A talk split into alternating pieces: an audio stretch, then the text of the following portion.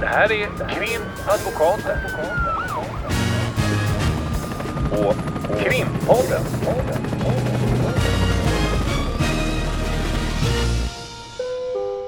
Parter och ombud kallas till sal 32. Det inte alla känner till är att eh, det finns en sorts kontrollverksamhet för advokater, Advokatsamfundet, eh, som eh, ja, bland annat, de gör ju mycket annat, men om man nu ser till just vår verksamhet så kan man till exempel anmäla en advokat. Man som, måste kanske börja med att säga att man får inte vara advokat i Sverige om man inte är ansluten till Sveriges advokatsamfund. Nej men precis. Men Ulrika kan inte du dra det lite snabbt då, så kan vi bara gör, ta bort det. Ja, då liksom. ska man ha jobbat eh, på en advokatbyrå eller man kan ha suttit också och praktiserat i en domstol och lite så i nu för tiden tre år, tidigare var det fem år. Och sen skickar man in en ansökan där man också ska redogöra för vilka advokater som man har träffat i domstolen och vilka domare man har haft. Och man ska inte ha några betalningsanmärkningar och, och, och man ska inte, ja det ena och det andra. Man gör liksom en ansökan. Och sen får de advokaterna man har träffat uttala sig om de tycker att man är lämplig eller olämplig och så. Och sen går det här igenom den styrelsen i den orten där man håller till och sen går det igenom i Advokatsamfundets styrelse på riksnivå om man blir godtagen. Eh, och då blir man advokat. Och det är en skyddad titel, det regleras i lag att man får inte kalla sig advokat om man inte är ledamot av Sveriges advokatsamfund. Och som vi har det i Sverige idag så får man inte utses till offentlig försvarare om man inte är advokat. Så man måste för att vara offentlig försvarare på det sättet som vi jobbar, eftersom vi jobbar med brottmål, då måste man vara advokat och då har man genomgått en ordentlig kontroll innan man, om man blir godtagen. Och sen Mm, Bra sammanfattat. Det man också gör är att man genomgår en, en muntlig examen eh, i det här eh, prövningsförfarandet. Där framför allt ens inblick och kännedom om de etiska reglerna. För det är de etiska reglerna, jag vet att vi har pratat om det tidigare också. Men hela vår verksamhet är ju oerhört präglad av våra etiska regler. Och det handlar framför allt om eh, att inte främja orätt, att alltså inte ljuga, fischla, eh, ta undan bevisning, förfalska saker eller eh, ja, man hör främja orätt. Det får man inte göra. Och sen Till har vi- exempel, det man kanske kan säga där som eh, vi får till exempel inte regissera heller. Många tror ju att Nej. advokater går in och bestämmer vad, vad våra klienter ska säga. Och Säg om- till klienten nu är du tyst och så säger du så här. Nej, exakt. får vi inte göra. Nej. Och det är att främja kan- orätt. Exakt.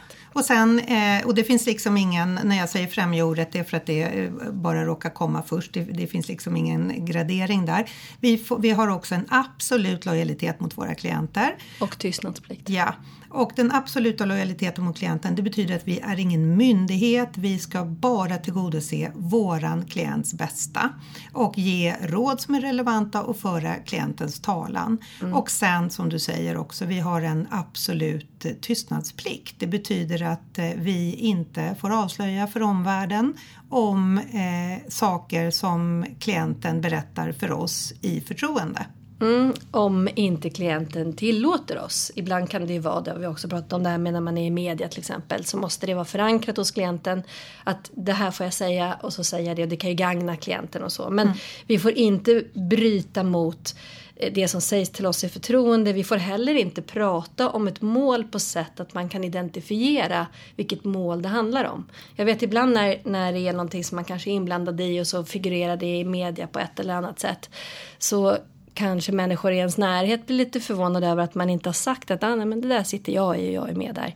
Vi får ju inte uttala oss på sätt som gör att folk ser vad, vad vi är Vilka verksamma i. eller vem det handlar om och också Mm. det att det är ju så att det är offentliga handlingar i många stycken. Det kan vara ett åtal som är offentligt och en förundersökning som är offentlig och en dom som är offentlig som man rekvirerar ut för det har allmänheten rätt att göra enligt offentlighetsprincipen som huvudregel. Där står det kanske att det är advokat Lotta Wirén som är försvarare för den här personen men det betyder inte att advokaten Lotta Wirén får tuta ut det i lurarna över hela världen. Bara för att det är en offentlig handling så betyder inte det att vår advokatsekretess på något sätt bryts. Nej. Och med det sagt så är det intressant. Vi har eh, pratat ganska mycket, eh, du och jag och lite på byrån och det har också kommit vissa avgöranden och det har pratats om i, i media om eh, det här med sociala medier och eh, till det kan man också då dra in advokaters sätt att göra reklam för sig själva. För ganska, eh, inte så länge sedan, när jag började som advokat, vilket är ganska länge sedan, eh, men det har ändrats reglerna. Så för ganska länge sedan så var det så att man inte fick göra reklam för advokatbyrå. Man fick inte liksom bedriva kommers, reklam för kommers. Eh, och det ändrades med en EU-anpassning för inte så länge sedan. Och då betyder det att nu har det blivit friare för advokater inom vår verksamhet att göra reklam. Mm. Och jag tror att det första jag noterade eh, med lite höjda ögonbryn får jag lov att säga, kanske för att jag är konservativ, det var radioreklam från advokatbyråer. Mm. Just det. Ja, det känns nästan som att det var länge sedan, men det var det ju inte. Det var ju fortfarande på 2010-11-talet. Ja, det är inte så länge sedan. Nej. Men sen har det ju eh, hänt någonting eh, de senaste åren när det gäller sociala medier. När det gäller eh, väldigt många som har skrivit olika saker på Facebook. Många advokater som gör det, det är inget konstigt med det. Och sen är det också eh, på Instagram. Mm. Och där har det ju då skett en, en jättestor ökning av att advokatbyråer finns på de här sociala medierna. Mm. Eh, och, och, det är intressant om man ser då, nu är det ju Facebook och Instagram och, och det i alla fall min uppfattning att nu övergår det nästan mer till själva Instagram. Förut var det Facebook som var det stora och som en reklampelare för samtliga även inom vår Ja, bransch. nu är det nog mer Instagram. Mm. Sen typ kanske inte så, inte så himla länge, länge sedan. Ett par, par, tre år sedan skulle jag säga. Jag tror det. Det har bara funnits ja. sedan 2010 och i början var det mest tror jag för personligt mm. bruk. Men nu är det mer och mer eh, i reklamsyfte. Och, nu har och vi som... också Instagram på vår byrå. Vi har ju det. Mm, och vi har ju Facebook också. Ja, vi är moderna. Men, och vi har podd. Mm. Bara det. Men, Men eh, vi sitter inte här och gör reklam. Eller för våran kommers. Nej, men det man ska säga är eh, de här reglerna som ändrades på 90-talet eh, och, och luckrade upp lite den tidigare ganska strikta regeln vad gäller att inte göra reklam. Eh, det, det man sa då var att man fick fortfarande inte göra sån typ av reklam som gör att man utnyttjar klienters utsatthet. Så man fick alltså inte använda sig av någonting i till exempel våra mål för att lyfta sin egen... Nej, och det, då kokar det tillbaka i att man fortfarande har det här med inte främja orätt, mm. eh, absolut lojalitetsplikt mot klienten och den här eh, absoluta tystnadsplikten. Det finns ju flera delar som är Advokatsamfundets etikregler. Det är en, det är en hel bibel som vi mm. läser mm. Mm. som också utvecklar sig under årens gång med tanke på att det blir anmälningar och då hamnar de fallen i den här referatbibeln som handlar just om om, Advokatsamfundets etikregler som vi ska hålla oss till. Mm. Men det, det är liksom när, när det här släpptes och man fick möjlighet att, att vara ute på sociala medier så är det ju fortfarande så att de här reglerna, de här tre tyngre reglerna, det är de som gäller. Mm. Och, och, för alla verksamma på en advokatbyrå ska mm. sägas. Alltså när det är en advokatbyrå, det blir ju en kvalitetsstämpel att även sekreterarna och biträdande juristerna, man, hela byrån följer Ja, för skulle en, en kanslist eller en sekreterare eller en, en praktikant, praktikant som finns mm. ansluten till advokatbyrån som givetvis har skrivit under ett tystnadspliktsavtal med oss om vi pratar om vår byrå, bryta mot det här, då är det ju så att det är vi som är ansvariga Mm. Och det är vi som kan råka ut för straffpåföljder.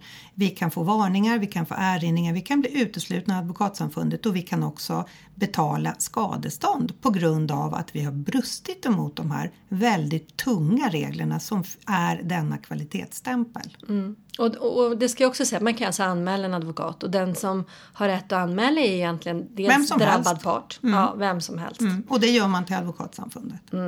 Ehm, men om vi då går tillbaka till det här med sociala medier så eh, det är intressant därför att det är en ganska ny företeelse, det måste man ändå säga. Ja, vi är en konservativ bransch. Vi är kanske lite sena med att använda det i vår bransch som eh, reklam. Om man jämför med andra branscher där man kanske redan har gått vidare. Ja, precis. Liksom, Om man andra. tänker att man har, inte vet jag, man säljer eh, elektronik, datorer eller något. De har ju fått göra reklam under väldigt många år så de har väl liksom också lite lärt sig om vad är bra för Mm. oss att göra reklam. Man brukar säga att all reklam är god reklam och, och det kan det väl förvisso vara i vissa sammanhang men det kanske inte är så i alla.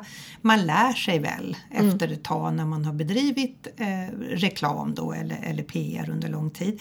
Det är, har ju inte förevarit på det sättet när det gäller advokater eftersom vi inte har fått göra det. Och jag tror lite att, att advokatreklamen lider av en del barnsjukdomar. Mm, absolut. Och, men också det intressanta med den typen av reklam som förs på de sociala medierna som Instagram och så är att det i mångt och mycket blir en sorts personlig personkult om jag säger det. Jag vet inte om det är ett för starkt ord egentligen i sammanhanget. Men, men att man, eh, man blir personlig på ett sätt i tilltalet till sina följare och att det är det som är lite grejen. Det Liksom, kanske att man också beror på inblick. att många har haft privata eh, Facebook och Instagramkonton och att det blandas lite ihop med hur man uttrycker sig privat. Alla kanske inte, jag vet vi hade en sån diskussion för några år sedan här på byrån med att ha öppna eller slutna konton. Då bestämde vi att vi skulle ha slutna konton. När det var de privata ja. de privata skulle vara slutna och det, det som är vårt krimkonto, det, eller de kontona, de är öppna och de gäller bara advokatdelen. Och att det handlar om vårt jobb och det handlar om, om respekt för våra klienter, att man inte lägger ut saker som överhuvudtaget kan på något sätt avslöja vem det är eller vilket ärende det handlat om. Mm. Och det blir lite speciellt. Det finns ett eh, avgörande. Vi har ju kollat lite grann hur Advokatsamfundet, om de har hanterat det här. Och i När så det har fall kommit vad. in en När det har kommit in anmälningar. Och det finns ett som nu har meddelats beslut om där en advokat har fått en varning. Eh, här nu under våren 2019 där det är en, en, eh, det är en bild, jag vet faktiskt inte hur bilden ser ut, jag, vi har ju bara läst själva eh, beslutet. Men där man står då på en trappa till en tingsrätt och så säger man, man gör någon sån här emoj för lyckad nu har jag vunnit. Och sen handlar det då om, om ett eh, våldtäkt mot barn.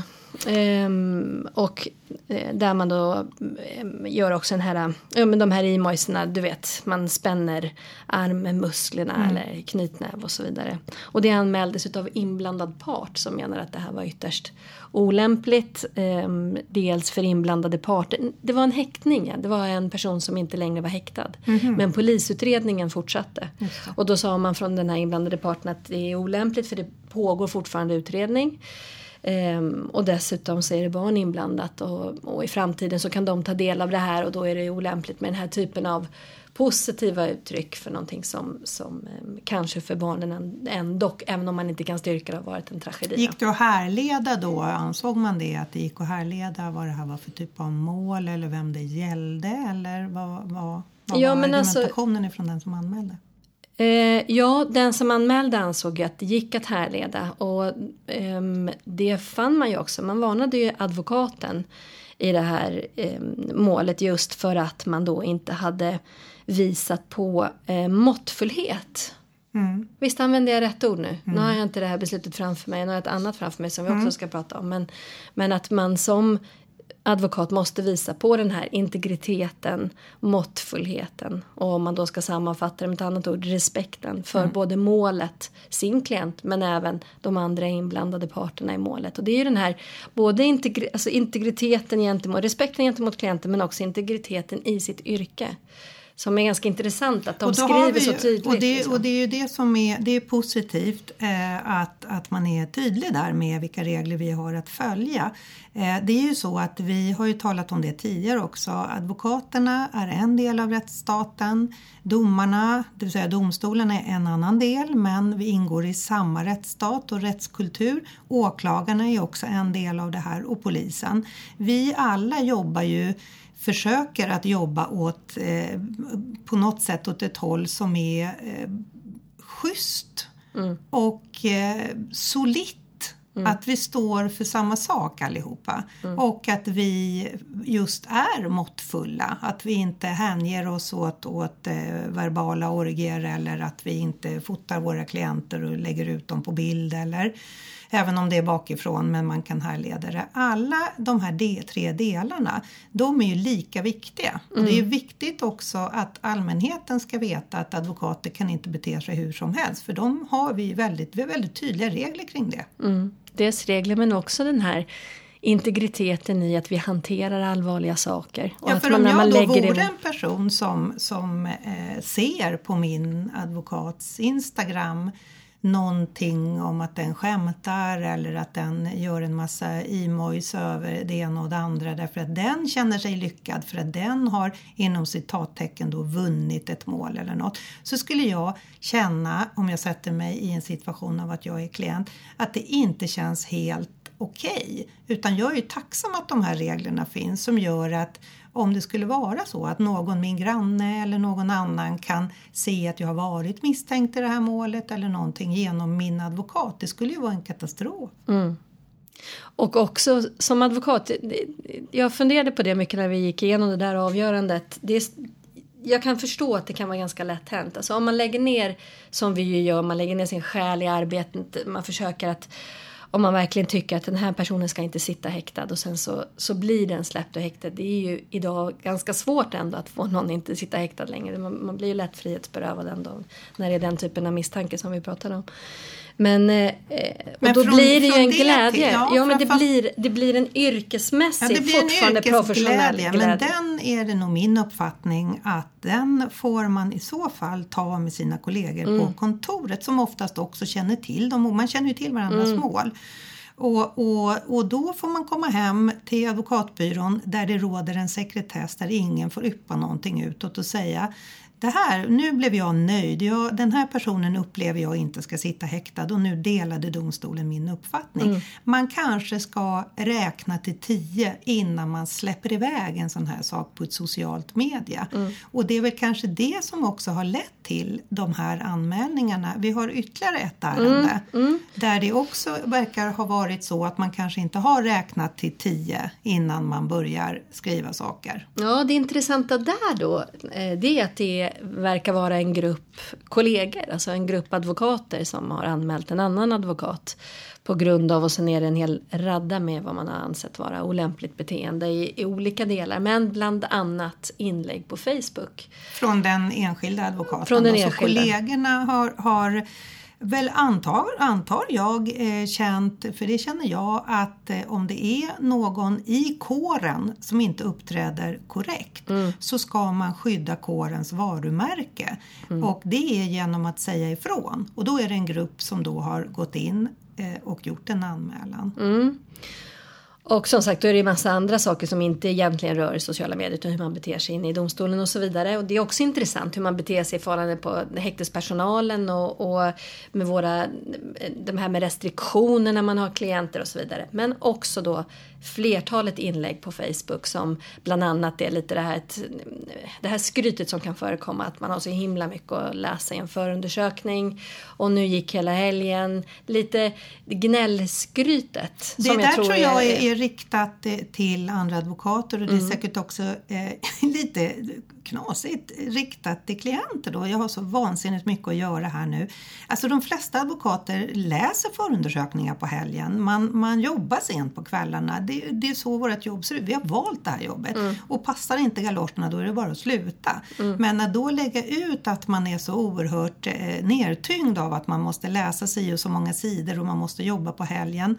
Det är ju ett sätt att skryta med att man har mycket att göra. Mm. Och då tänker jag igen som klient klient att det där kanske inte skulle vara helt bekvämt om jag känner att jag behöver uppmärksamhet. Jag behöver tid av den här advokaten. Mm. Nu har jag tydligen inte tid med det eller hon. För hon sitter eller han sitter och läser förundersökning dygnet runt så ögonen blöder i ett helt annat ärende. Så jag undrar om det där är en god reklam Ja allt. men jag vet. Eller så tänker man som klient att jaha, om man tycker att det är så jobbigt att hålla på att läsa igenom min förundersökning. Hur, hur bra är man då i att... Ja. ja. nej men visst, jag håller med. Det är men sen är det också ett skryt mot andra kollegor Det är framför allt Åh, vad jag har mycket att göra här. Se, se vad bra det går för mig. Och det kan jag också tänka mig kanske ha lite med den här delen att göra. Att vi inte riktigt har blivit... Eh, vi har inte formats ännu i sättet att göra reklam på ett sätt som också är måttfullt. Nej, men det är ju intressant. Alltså, jag tror alla duktiga advokater, vi har jättemycket, precis som du säger, vi har jättemycket att göra. Men, och det här,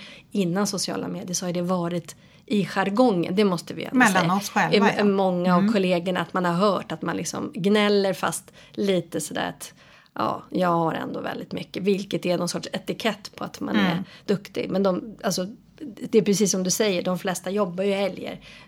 Sommarledighet, de flesta jobbar ändå i stort sett varje dag. Mm. Men det får man väl prata i sin det. egen yrkesgrupp istället för att, att eh, göra det offentligt där, där- där det då eh, i alla fall har ansetts, även i det här fallet då, inte vara särskilt måttfullt. Det här avgörandet, det senaste då, det kom ju nu här ganska nyligen. Ja, ja, det här kom i årsskiftet 18-19. Men, men det intressanta med det här när, när advokaten anmälde då sin kollega för en, en hel räcka med grejer. Då är det just Facebook-inläggen som, som samfundet eh, lyfter fram. Och så säger man ehm, så här, jag kanske till och med läser det som Ja, jag har det framför eller hur? God advokatsed sed innefattar skyldighet för en advokat att iaktta integritet och uppträda sakligt och korrekt samt så att förtroende för advokatkåren upprätthålls. Advokaten ska också iaktta diskretion om sina klienters angelägenheter. en bra Precis, sammanfattning av det vi precis precis har pratat om. Mm, Och det intressanta här är att den här advokaten säger att men det här är ju min slutna sida, det är min privata sida. Jag har bara inbjudna vänner. Det är inte att det är öppet så att vem som helst kan ta del av det. För man kan ju, det ligger uppe och det, det vet vi också att de, de här inläggen, det, det går inte att säga att han inte har gjort det antar jag för att det finns ju där. Men då säger man ändå att det spelar ingen roll att det är slutet. Därför att så fort det är att man agerar inom sin verksamhet, vilket man menar att det här är. Även om det är då att man säger att man ligger på soffan här och läser den här förundersökningen och så vidare. Så ska man ändå iaktta samma grundvärderingar, mm. man ska säga. Och det här är ju någonting som man får lära sig på de här kurserna som finns innan man blir advokat. Det är just det här att du är advokat 24-7 därför att eh, det är så att om man ingår i, den här, i det här advokatsamfundet så måste man stå för den här fundamentan som finns i samhället. Man kan inte gå bananas efter klockan 17 en torsdag. Utan man, man måste av respekt för yrkesrollen krävs det av en att man, eh, är, man håller sig inom ramarna. Eh, det är ju för att är det någon advokat som beter sig illa så drabbar det hela yrkeskåren. Mm. Och det här är ju intressant för att vi har väldigt starka regler för våran etik och man tänker det har varit väldigt mycket under många år kritik mot poliser som håller varandra om ryggen, ordningsvakter som håller varandra om ryggen och att det, är, eh, att det saknas eh, etik och det saknas alltså fundamentan där. Och då har det ju också blivit så att viss del av den här kritiken har, har, även, har även accepterats på hög nivå och man har då tillsatt att man ska kunna ha kurser och man ska få information om vad som är det som nu så populärt kallas för värdegrunder. Vi inom Advokatsamfundet har haft den här värdegrunden sedan Eldkvarnbland. Den brann något tidigare än Advokatsamfundet skapades.